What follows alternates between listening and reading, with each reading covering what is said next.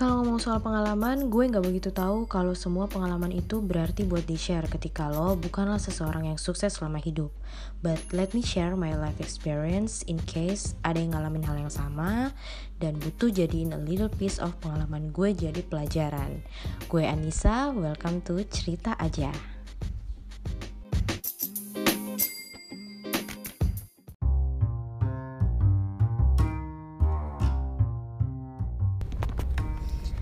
Hai hai, gue Anissa 25 tahun.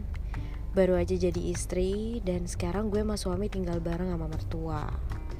Bareng adanya juga dua, yang satu cewek, yang satu cowok. Oh iya, ada kucing juga, Cibi dan Ciko, dua-duanya betina. Tapi gue lebih sering main sama adanya yang cewek namanya Naura. Hmm, almost every day. Sampai gue kadang jenuh sendiri karena hampir gak punya waktu berdua sama suami gue Sampai gue akhirnya mutusin buat jaga jarak sedikit untuk meminimalisir pikiran gue, membagi waktu menjadi figur istri untuk suami gue, dan menjadi figur anak buat mertua gue di setiap harinya. Walaupun agak sedikit sulit, because she is a 12 years old girl yang sedikit jauh lebih manja dari anak kebanyakan, hobinya streaming video prank atau video sehari warna bla bla dan ngikutin apa pun yang tren di sosial media apalagi TikTok. Ya, nowadays TikTok is almost be the king of social media buat anak-anak seumuran dia. Eh enggak deh, sepantaran gue juga gak jarang yang buka TikTok Cuman buat lihat cewek-cewek SMA joget-joget sambil melet dan gigit bibir Tapi banyak juga kok yang mengedukasi Kayak mindahin video tutorialnya dari Youtube ke TikTok biar lebih gampang dibuat uh Ngomong-ngomong soal usia 12 tahun Di umur segitu gue masih sibuk jajan siomay depan sekolah cuy. Jadi anak bawang pas main bom sama temen kelas. Dikejar-kejar nyokap di rumah karena sering telat bangun Dan akhirnya bolos sekolah. Tapi nggak sedih banget juga sih.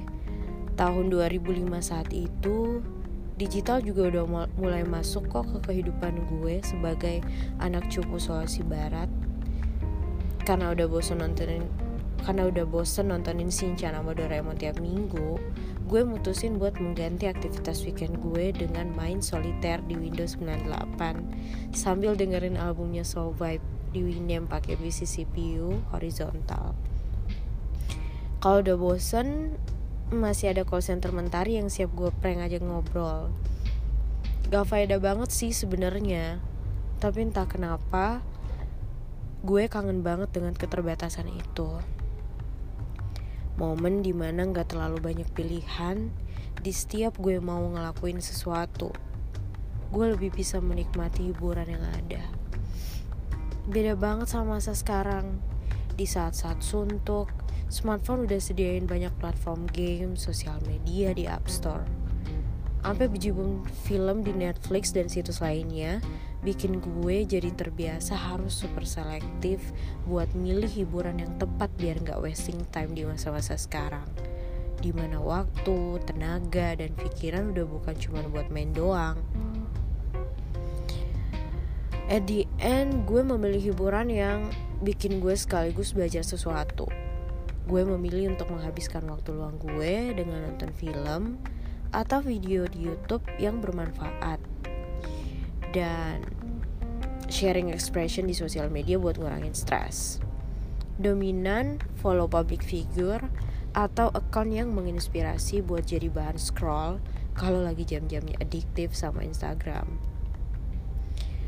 Ya, somehow karena keterbatasan partisi otak dan tenaga, beberapa orang termasuk gue merasa harus selalu siap paksa diri untuk berpikir minimalis.